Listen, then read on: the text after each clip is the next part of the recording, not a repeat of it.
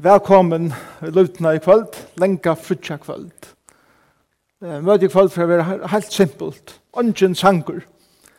Det var i gjørs kvöld der lovsang. Og i kvöld var ongen lovsang. Kvöld var vånløse. Tjukken det inn. Og vi får at jeg halda det her. Og til møte i livet i kvöld så er ongen glede i bådskaper til utan glede i bådskap i kveld. Tog jeg at til lenge frugja dævor, og det er viktig for okken at, at fenga kjenslene er tja lærersveinen som heter her kveld var pura vannleiser. Det som uh, kanskje er spesielt vi møten i kveld, er det at vi har finnet tveir kunstnærer, at mala fyrir okken live, uh, medan uh, det som gong fyrir fortellar som noen eh, verur. Og det er samme som at eh, Magne og Hedvig, velkommen. De eh, høyre bæg til samkomna, og nå slipper de at, at Jeg svanser sin vi maling, mye møte her til ikke gale. Så det kan godt færre gang bare tvei, og, og vi er inspireret av det som vi har sagt. Så er vi byrja, så jeg husker har haft uh, en bøn, og så fer jeg at, at djeva karmanar om uh, det som hendte frigidegin, og ta seg synder om crossfesting, eh, hvordan crossfesting Jack Fyrse og, og Jesus er døven, og så eh, kommer Paul at hula jeg er løsender om hendan degin eisne. Så skulle vi be sammen. Takk herre for eh, vi kunne sammen i kvöld, Og vi vet at om hese tøyene, lenger frutja kvöld, for 2000 år siden varst du lagt til grøv. Lærersvenner, fullkomla vognleiser, alt det som du tro og av er skrampla saman. Vi trenger til å føle til vi først. Og sette spurningar og ivast. Takk til fyrir kvöld som i kvöld, løyver okken å gjøre det. Så jeg ber meg til å sykne eh, alt som kommer fram, og takk deg for eh, kunstnerske inspirasjoner til hettar med vidt tåse om henne dagen. Og i Jesus navn. Amen. Hvis vi hittar eh, først er at ta med fysisk karmen om eh, henne dagen i, i Jerusalem så, så, så vidar vi at det som hendte at han har vi gåvost i gjørskvölde er at uh, Jesus og lærersvanner var i Orsagaren Getsemene og her kom så ta i teir eh, hadde vært her og gåa løte Jesus hei biet her var sånaier så kom og eh, høvesprestene vi vakten om at han teker Jesus og Judas djeversjånd til han den uh, kossen som han gav honom för jag visade att hemma att Jesus var med och skulle täckas.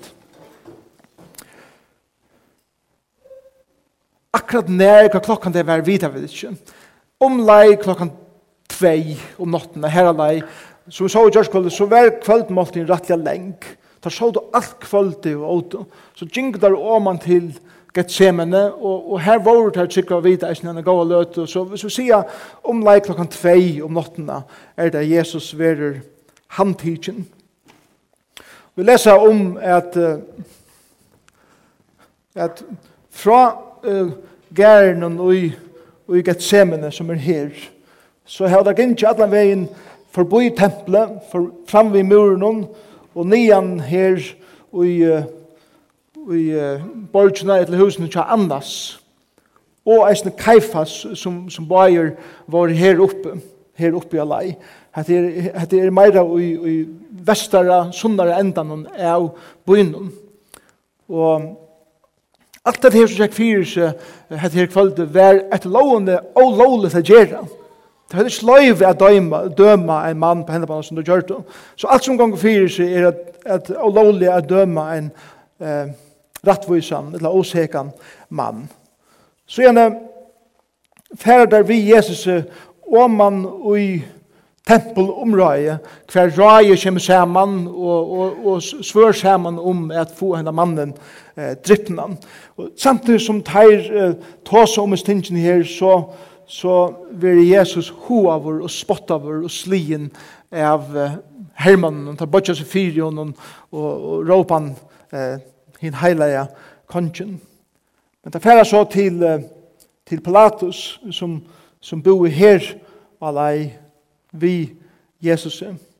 Pilatus sender eh, Jesus nedan til Herodes, som Pilatus Herodes var aktor her oppe.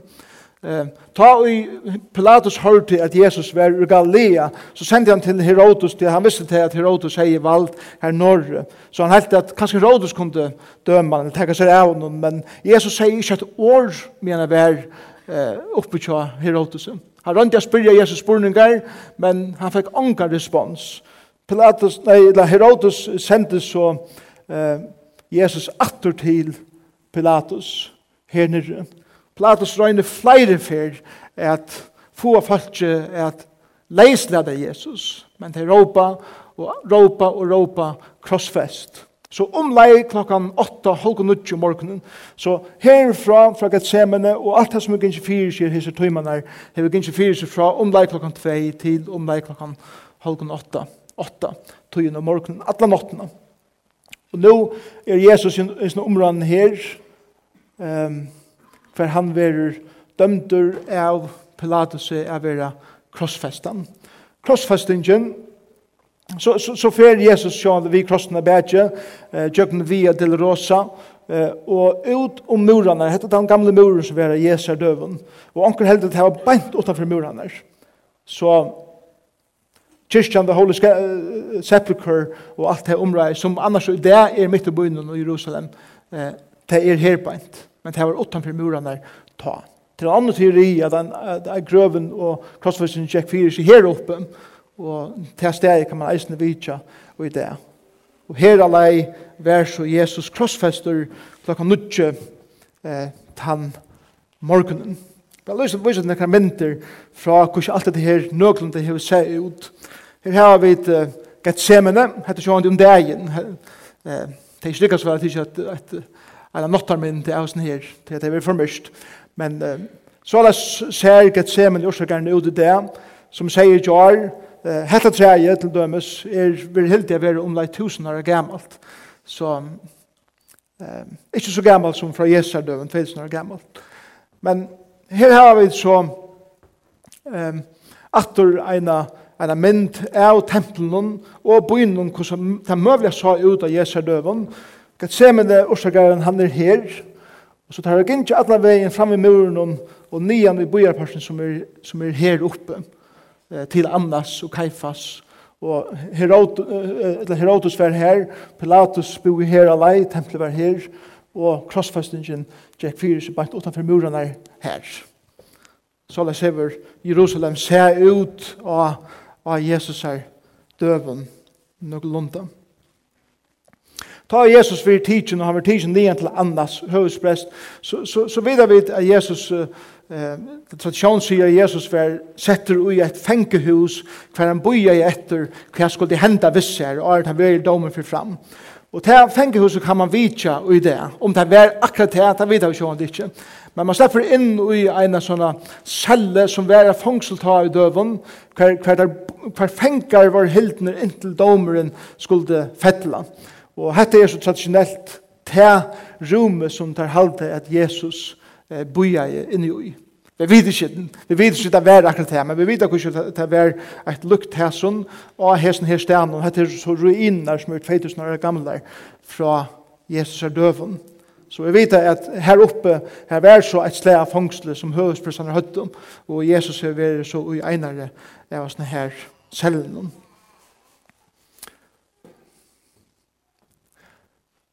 Hetta standmynd er Peter. Og vi vet at her Peter er nok til Jesus trutja fyr, han her dagen, med Jesus eh, gonger atter fram fra sted til sted, så kommer tre folk som vi vet til Peter, og Jesus sagt av igjen, at hun får det svitja med trutja fyr. Og her sier Peter, og han sier, kjenner ikke denne mannen. Han er nok der, og han bannar på at han kjenner ikke han den mannen. Jesus var så tidsin og dømter, og vi kjenner eh, leiene som vi kallar vi dolorosa, lyingar veveren ut av krossen. Det som også skreker er gengo i Jerusalem i det er til at i det genga tusendavis av folk etter vi dolorosa og i eh, Jerusalem og halda at det genga akkurat her som Jesus gikk. Men sannleisen er han at det var altså 20 meter langt nyrre Jesus gikk. Til at byerne så ofta eh, var i ruinen, og det bygger bare på hver anna. Så, så her som Jesus sjekk, var tutsi meter langer nirre enn her som han gonger i det. Men det er nøkker stø, man fer inn nære kyrkjer, og her har det så greva nyer av til eh, vidt eller rosa, som var av Jesus er døven. Hette er et lite pettig at vi gøk, nu er, nå er vi tutsi meter under eh, vehatt. Og det her var greva teir eh, steinar fram som Herodos leie, eller av hans er døven, og hette er akkurat her steinar som Jesus hever gynnsi av henda vegin. Det er lydepette som man kan vitja her i Jerusalem. De sier jeg synder om om romverska crossfesting. Så så vi får en liten mynd av hva det er som Jesus tjekk og tjøkken henne dagen.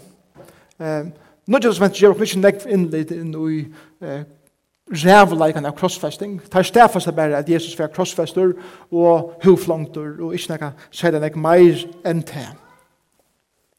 Josefus gjør ikke meir innlitt. Josefus var en jødiskur søverskriver fyrir den romerska eh, herren og den romerska rydkjøm. Og han sier at uh, krossfesting var den mest rævelige deien og den mest einmøykjande deien som et menneske hele tiden kunne oppleva ta av døven. Jeg var da hongtor spillnætjen, uh, neldur ikke hendur, hendur føtter, puskavur vi, vi uh, puskun som høtta bein og metalløyser som skratte kjøte sundur, hongtur her, og manna hatt, fyrir ödla genga forboi og flenda etter og spuita av. Det var her, det var her som tjekk fyrir seg, og i, i, i sier at det kom til krossfesting, og det var for jeg stedfesta at ein og hver som vendes seg i moder rom skal få hesa lagna, og en, og en krossfest person som hekk av krossen, han hekk her som en avværing til alle andre som hoksa det samme, at hvis du gjerst hattar, så vil hettar eisen til lagna, og ønsken tørte til at, at uh, i måte Rom, er hov fjers. Ta i uh, Jerusalem, som han sa ut her, var lagt i øye. Uh, det var grunn til at det var en oppreistor, og øyne nek folk gjør oppreistor mot Rom. Og Josef, Josefus, uh, Josefus skriver om uh, at bøyeren, altså alle som han var, var dekka vår av krossen, av folk som var krossfest for jeg viser hver hei myndleikan i romerska rysjen. Hugsa dykken rævleikan av tog. Det var nekker romerske skikker til det kom til hvordan krossfesting får fram. Til dømes, en krossfesting får fram alt og en allmenn sted, beint utanfor bojarmurene, her som der visste at nekvud trafikker vær. Og det, det sørger vi av mynden i hermedeisene, Bøyamurene tar, tar genge her og fer inn her og så alle vi rundt. Og her kommer folk som ferast eh, norrene fra og vestene fra inn i byen. Og her er Golgata. Her er skattla stäver. Så dette var et sted som nekk, nekk folk ferast. Og her henger der til eh, framsøyning fyrir øtt som Jinko forboi. Han ser ikke var alt i krossfesten nætjen. Og da vi sørger mindre av Jesus, så, så er underliv i kjønne dekka vi en løren. Jesus hekk her spillnætjen. Her var ikke dekka. Så er mykjende verda for Jesus henne dagen, og eisne hine, hine som var krossfest, sammen vi hånden. Ofta tar för det säga, ofta tar vi sucha mindre av krossen så är det som om att krossen är väldigt stor och han hänger eller ofta högt uppe som om att man hygger upp här som Jesus var krossfäster. Ofta sucha vi konstnärer ut och sitter på handamatan. Men en krosser var själva mer än en meter fors höver och stå nökelunda av eh, egna hatt vi andre folk. Kanskje lysende hakre, men ikke nekv hakre. Så, så, så, så folk kunne fære helt opp til krossen og spyte folk i anledet, den som hekka krossen, hvis det er yngst å eh, gjøre det. Det er ikke så at han var hevig over høyt opp, selv om han stod opp ja, en eh, bakke her bænt, så kunne det genge opp på bakken og være i som hatt ta.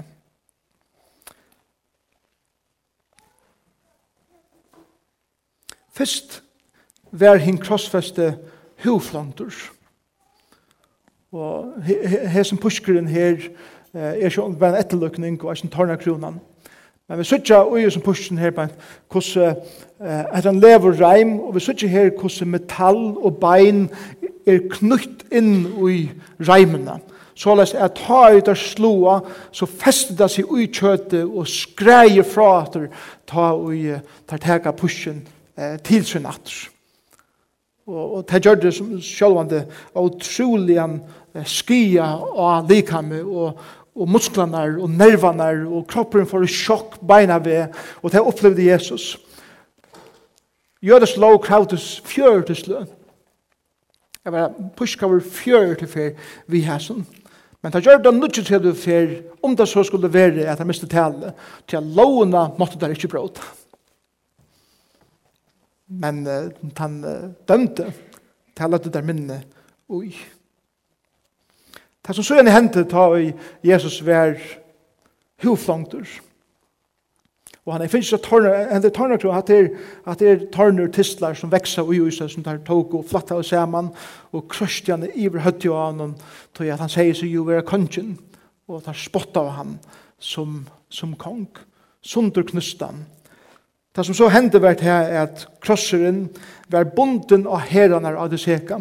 Om det var alle krosseren, eller om det bare var tvørstangen, vet jeg ikke akkurat, men, men hvordan var det tvørstangen som, som ble lagt til herrene, og så ble armene bunden rundt om, og så gikk han så leis. Det, det er nok mer sannsynlig enn en at alle krosseren eh, ble båren, til at han har vært for tunker, er båren. Men av til førslønnsene var skriva av eh, tandomen som eh, tan akar hei finnes. Og hvis anker hei drip i ankeren, så hei det steg av hesten er en droppsmæver. Så Jesus stod hesten kallet seg kong jødene. det var hans domer.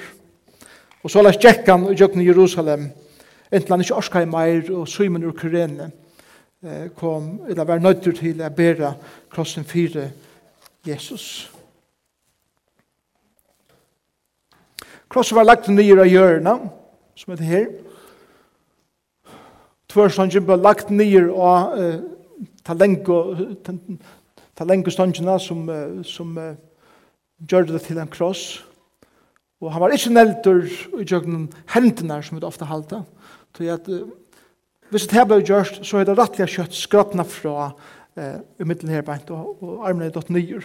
Så i kortet er midten beinen i herbeint, så, så, så er det hekk eh, vel, og, og, og det er ikke datt urat.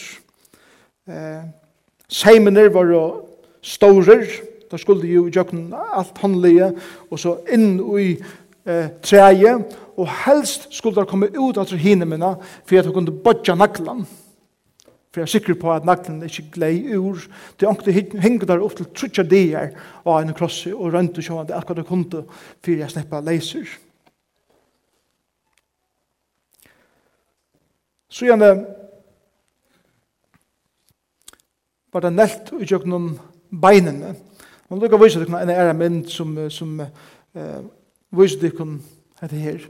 Hette er en, en verlig mynd som av en nagla som fer ut først i jøkken beinene, og en som tar har funnet eh, en som er i Israel.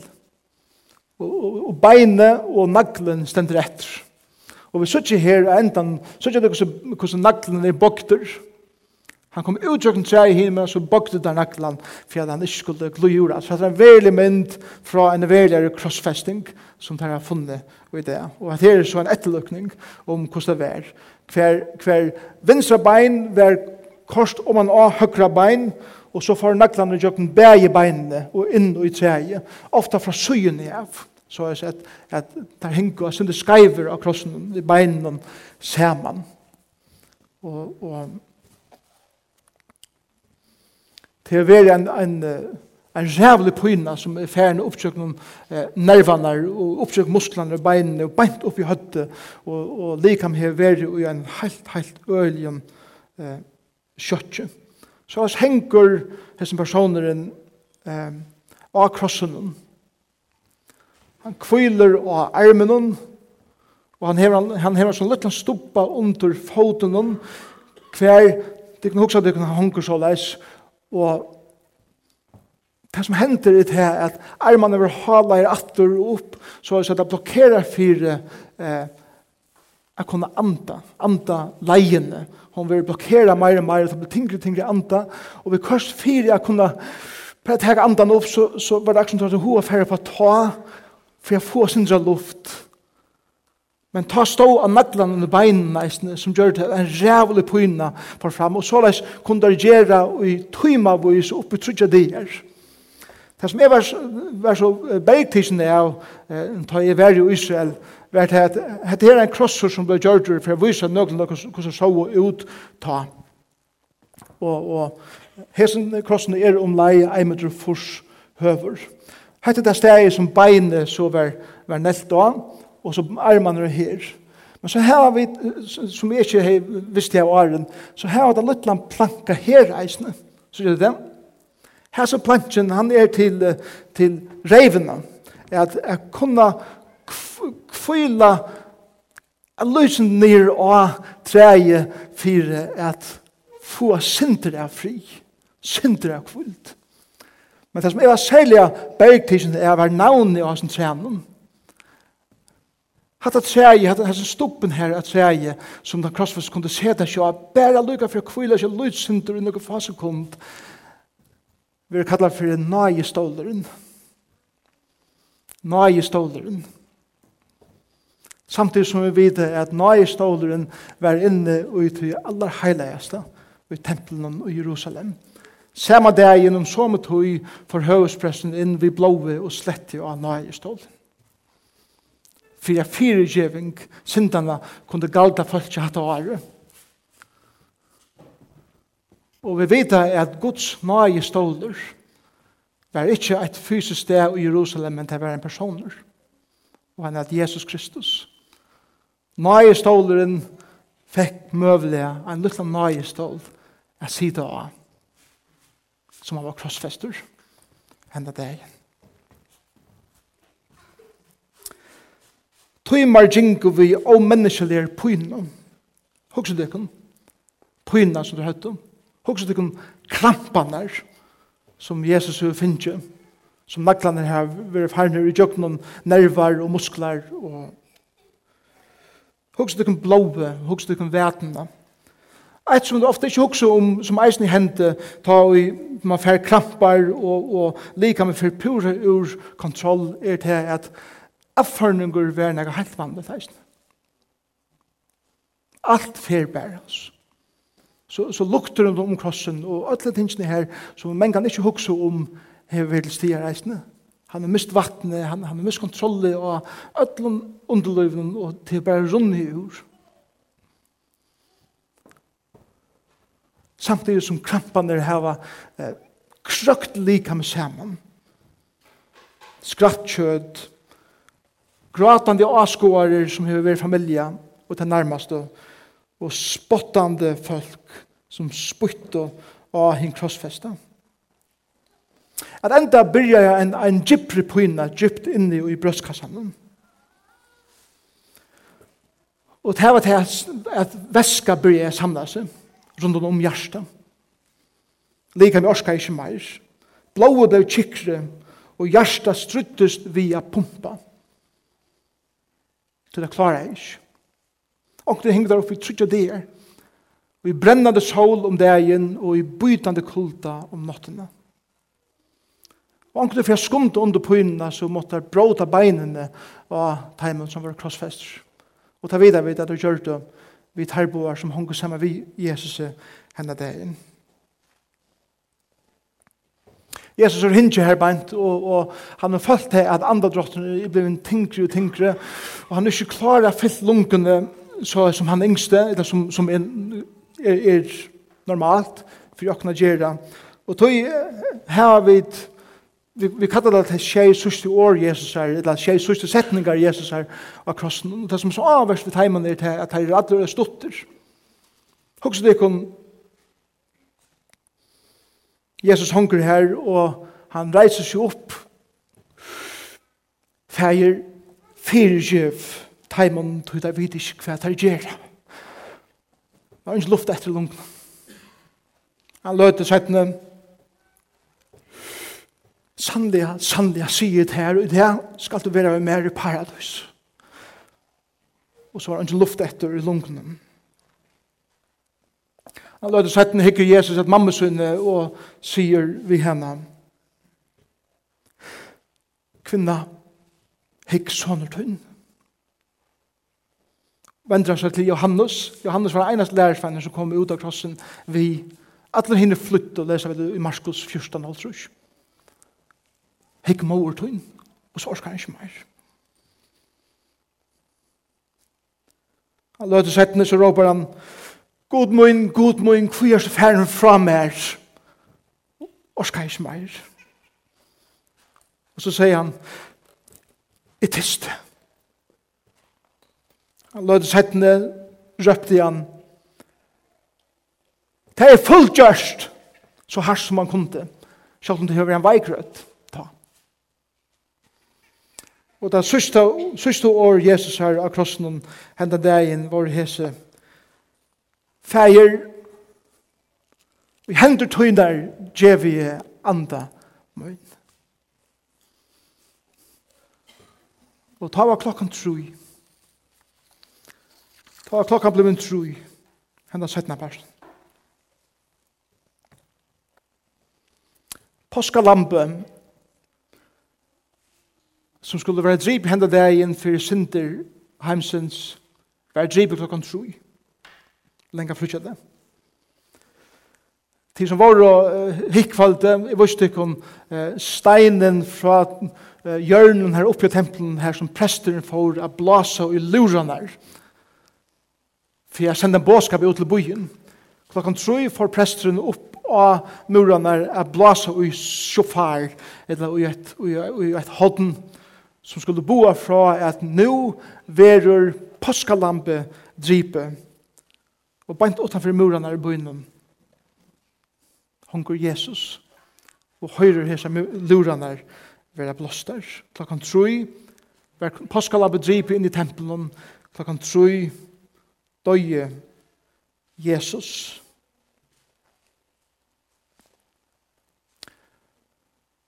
At han avverst vi, vi krossfestningen og lenger frutja det er til at tradisjonen sier at bojarporsene inn i Jerusalem stod åpen henne dagen. Så at om det så skulle være at Messias for å komme, så skulle porsene stå åpen. Åpen. Og det visste ikke jeg at det tidlig tar jeg messias ut i kjøkken Porsche og krossfest han beint utenfor. Så myndene har Rembrandt malet av krossfestningene i Jerusalem. Trobeleisen vi har kommet til Jerusalem det og sudja eh, Golgata, eller skatlastea, er til at du kommer inn i en kyrkje og, og det ser så såleis ut. Det alt er skrutt vi gudle. Og man ser neivan neka. Men det som vi kunne sutja i isen her er det at under ötlense gudlen her på er hetla. Og kyrkjan, the holy sepulcher, er, er bygd av at det er fjallalendet som var bort beint utanfor murene. Og du gonger oppsøkende trapper for at eh, kunne sutja det traditionella steget her som Golgata vil hilde at her være. Og stått fra hans i hettelen i herbein, så det halte er krosseren stå. Eh, Jeg vet ikke om man ser det av de fyrre myndene, men her er så det alt der, og under her, her, her kan man så bodja seg, og kvar hendene nere til en hål, for jeg slipper nema vi hettelen her som Jesus var krossfester. Så hvis man hoppar på det her, så kan man gjøre det. tatt vi eh, steget her som het her er, eh, vi har nøren øren av kyrkene er det eisen nekker grøver funner, og, og tar halte at, og i en av hesen grøvene var det at Jesus eh, var laktur ta i han var deir Men det er eisen an, en annen tradisjon om hva Jesus mulig var krossfester, og til hentan, eh, the garden tomb, eller orsdagaren her som Jesus var, og, og hette virker mer naturligt till att det är ute och så vidare men när man huxar om karmorarna var att hem döven så så så vet man körde korsne men man hävdar att att uppja helbant som han att tändande där ständer var Golgata här alai och trubbelsen är att det är så som att här är det att her här har ikke rei i akkurat numren i Jerusalem Araberne har varit der. så det er syns för inte krosser er bare omkring tennene. ett annet. Her var det her eisen helte, og stått herfra er hentan grøven eisene funnen. Og det var helte at Jesus eisene kan skal være lagt inn i hesa grøvene som er stått fra hesens kattelsen. Akkurat hva for stedet var, vet jeg ikke akkurat, men vi vet at det var et sted som var bant utenfor murene i Jerusalem og det var en, en skattla og det var seg som hettlan luktes en, en, en, en skattla. Og her var så grøven eisene. Vi har sånn som kommer Paul at hula jeg, jeg synder vi er. Det var det først her som uh, Ekvann hever uh, tås om, så er det kanskje Kilman kanskje synder bedre, det som Jesus sier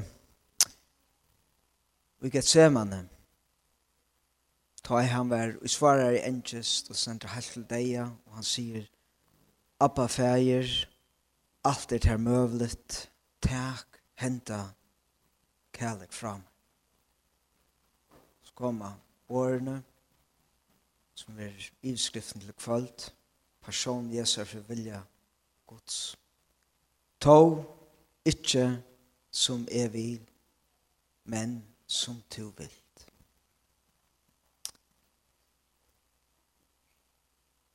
Hulangen som jeg kom med, og ta seg synder om det. Jeg skal bare å si er jeg synder om henda personen til jeg som jeg ser meg som sa Louis, hvordan hun fer i smasta sår i kvöld. Og hun feres masse så. Hun hugsa til om ta Jesus som til det var horslust, genker, hans herra kropper, puskar til, i tvørbolen av krossen, av vei ut av krossen, ta genker han, pura ensamhattler. for å ta som tvær balkar kvalt, men lukka nevna ein tria fyrst.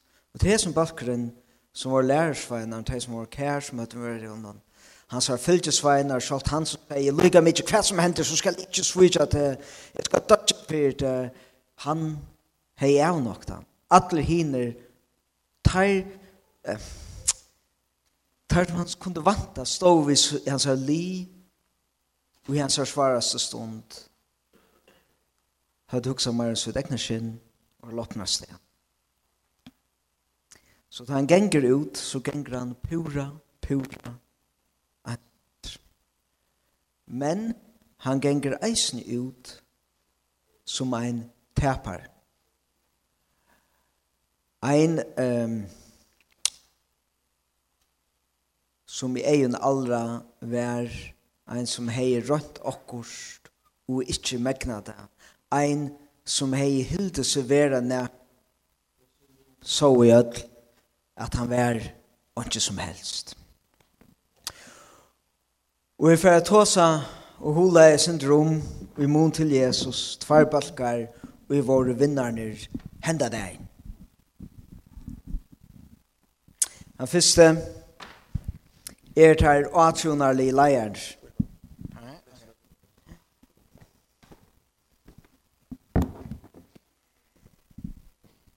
Den første bøkeren er han er her atunarlige leierner. Tikt som er ved vi okkon, sammen vi okkon, djøknes og vikna, jeg har hørt nok snakk om, hette her, kvosse, da Jesus ryr inn i Jerusalem, så ryr han inn i en konflikt, vi tar atrunne leierne og i høtte tempelet, og at han religiøse ordanen, til jøden og ta døvn under hendt. Og striver at det einfalt, her kommer ein som røyer inn og sier seg være hin lovaja Messias, men han kommer en tydelig han hatt som heser atrona leiren ikke vilja vide av. Han, eh, de falskjene som er rundt han om er ølte for kjæreste til tapar synder, stedet for det heila og etablera av. Og Jesus kommer inn i Jerusalem, og byrjar held, konflikten heldur av. Og mitt i disse konfliktene, her sier Jesus at han fettler en dom over tempelet og alt det som er over tempelet gjør. Så det vil ikke båje her som kanskje noen velkomne som er kommet inn. Og vi søker noen snilte raden her som der takker noen år til Jesus og venda denne synder og snæra denne synder til som tar atrunalig leieren få han skuldsatt han fyrir og få står han par av falsen vi på vil jeg heve han opp på en kross er hetta han sier sier vi at han og skal øylegge tempelet og bygge det opp etter tre med døven. Og du må minnes til at øylegge tempelet til å si at jeg atlemmer bråta nyer atle hesa tempelskipene og alt det som hon stender for. Og det er for øye i grunden, det er aller heiligste, det er som er aller nærmest, tja noen ta døvn. Jesus sier ikke, ta loe om han, men det var en avvise sannleik ute, til Jesus sier at en domer skal komme iver atla tar skipa. Men ta der så endelig jeg finner kløtnar og innom, sier der, hver vinner nu? Tu sier det vera han som råpar okkon falskar. Hvor er prekvar falskar nu? Tu sier at det er okkara ordan som skal færes massa sår. Ta foran, en fjörde år sættene. Men uh, ikkje ta han. Ta var han i beste velgående. Men nu er det tu som er svi underlåta. Som leis viser der akkurat han fyrt. Så råpa det var Messias. Messias Men du kan ikke være Messias, tog er Messias er bare Messias om han sikrar og vinner Guds sier og setter Guds rujt og stånd. Tror er en falsare, tror er en falslærare. Og ta i der her finnes som vilje draknon, her finnes falske vissar, og der finnes ibevis romverjar. Og han er ikke bare ganger ut av hedgen, som jeg kan hever malet fyrir okken, så forferdelig og eimurkjande det er. Så tar en henger her av krossen. Og da kan det nesten hitja inn igjen i egen hatt og komme helt opp til ta nakna, punta, eimurkta kroppen. Ta er det heser som sier, Tvoi våre tær, som bryter nye tempelet og bytje tær opp etter trim og døv. Hva er det nå? Frelste sjolvan kom ned av krossen. Der høvespressen, der skriftlærte, viser seg som sier herren der er det, ånder hever han frelst. Hikk etter honom, her honkra, spill nætje. Se sjálvan kan han ikkje frelsa. Kristus, Messias, kongeren, konkurruises. Læta nu koma nir av krossen hon, så vi kunne sutja ta og tryggva. Tar spottan, tar hoan, tar av vunn. Og jeg er noen tjattheim som hadde fyllt vi Jesus, som hadde korsen av vogn og han, er vognen om den stora og atronarlige leieren, og i skulle vinna Guds sier, færen og i smasta sår, tog frelsar som du tror at han får være, han hunker nætjen og en krosse, og banna over han og i hunker en krosse stendet her jo ikke i skriftene selv.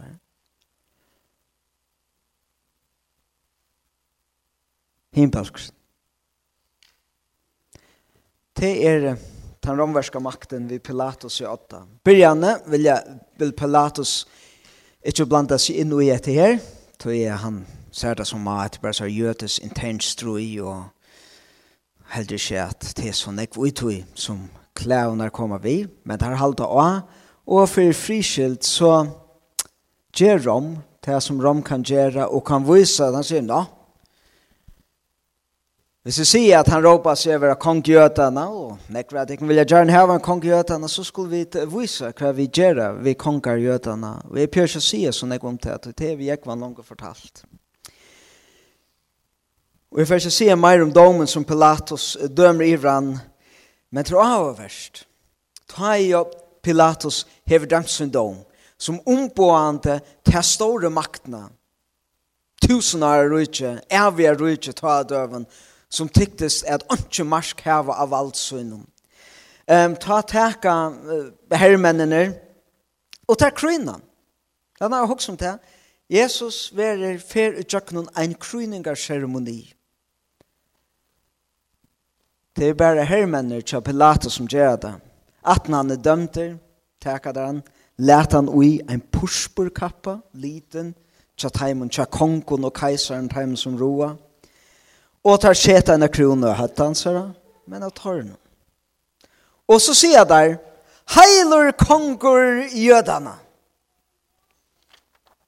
Og så slår der han, pushkan og samståndes ned og tilbe han. og ta det her skulle køyre hva han er skuldsetter og dømte fire oppa krossen her oppa tvørbolen ta stender kongur i jødana han vil spotta over og ho over tøy Romverjer har ikke hugsa så øye ølenegv om jødisk og atronarliv vidskifter. Det er sånne bagateller som er en forstyrrelse til at de som skal halda under kontroll, Her er det realpolitikker og makt.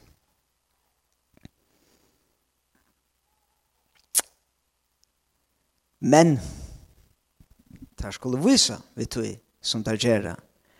Jeg regner hver Europa som kong i romerskarvitsen. Og vil Europa se til å være tansanne kongren, konger kongene, herre herrene. Han kommer ikke lengt. Han vil bæra krunter til vera litter opp og en kross her som öll skulle sutja hva hende vi folk og vi innskja er vera kongar vi i romerska rujtjenon og i stein for kaisaran.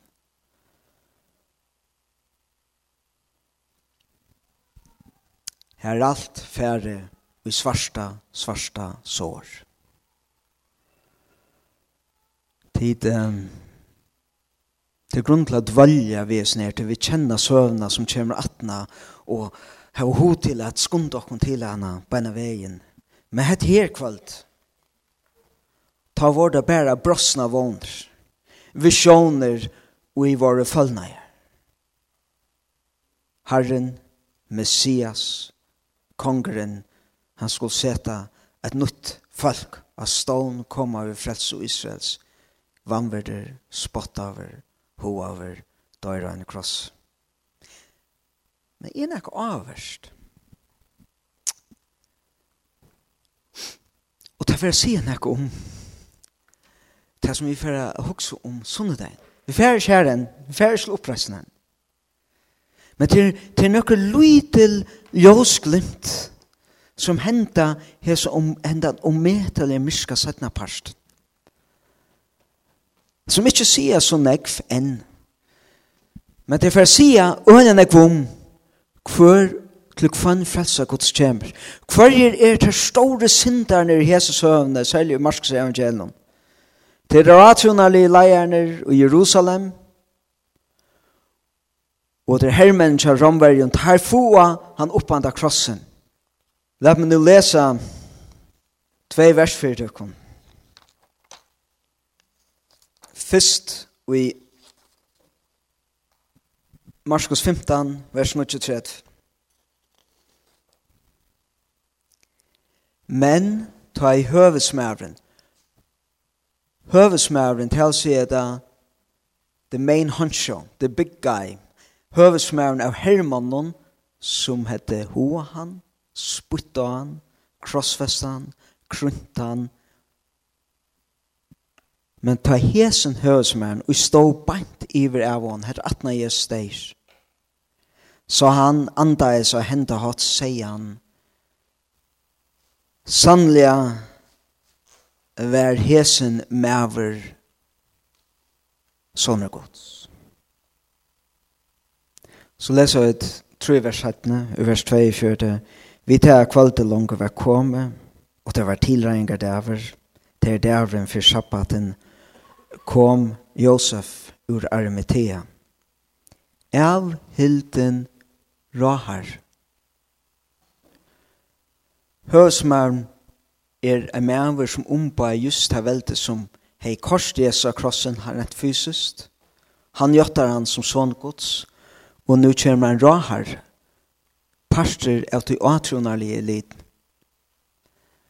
som uh, eisen hever vi i hesens spelen. Så eisen sjálfur vantar er ikke godt. Så han tok mot til sin og får inn til Pilatus og be om likam Jesu. Og så vi er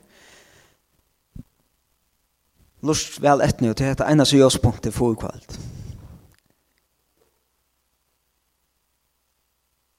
Det er ikke mer som Marskos helt tilvita har valgt å fokusere oppa tvei folk. Å gjøre den første positive responsen at når jeg steg. Og til just tvei folk som omboa just teir balkaner og var teir største forbrotaner vi har fått Jesus på kross. Høvesmæren, som en parster, at han romverske maktene, og råherren, som er parster, av de åtjonærlige eliten.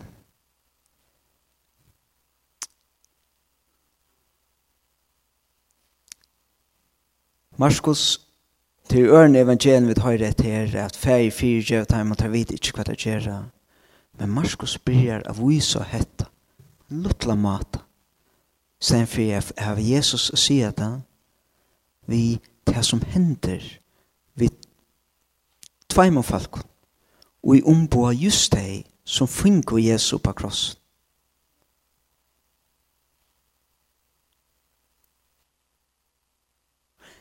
Men hva betyr det her kvöld?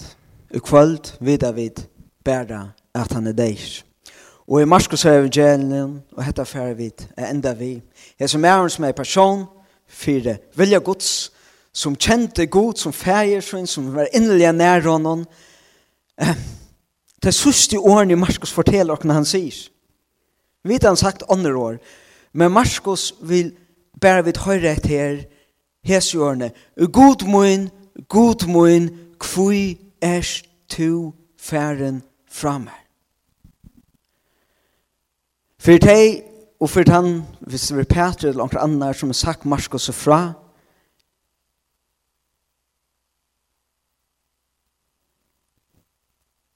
her det som min, her som stender mest etter i minnen fra her hesen kvölden ta Jesus stå, eller den ta Jesus stå i, var hese i årene tja Jesus at han som for noen helt faen tøymen framan undan hei røpt god så en appa, så en papa, nu råpar god moin, god moin, kvui erst tu færen fra mer. Så da Jesus døye og det som folk så, og i Marskos, det som la etter kjadaimen, at ikkje einan støyan i egen til den atjonarleieren og til politiske maktene som ein tapar som vuste og i sin eimujande deg at han var ikke han som han var. Men han tyktes nu jeg var at han og bare hilde seg haft at nærforhold til god og sjalt hesen god tykes er være fra honom person nu færen og i svarsta sår. Og spjatter rundt i bøynen var negre menn som hadde fyllt vinn i tru år. Deres venner. Folkkomlige vognleiser. Og til slipper vi det føle i kvöld og alle morgen og sundag morgenen. For be at dere om å fære i kvöld og hugsa om og prøve at fære inn i støvene som det er sanner følte det. Fullt kunne jeg.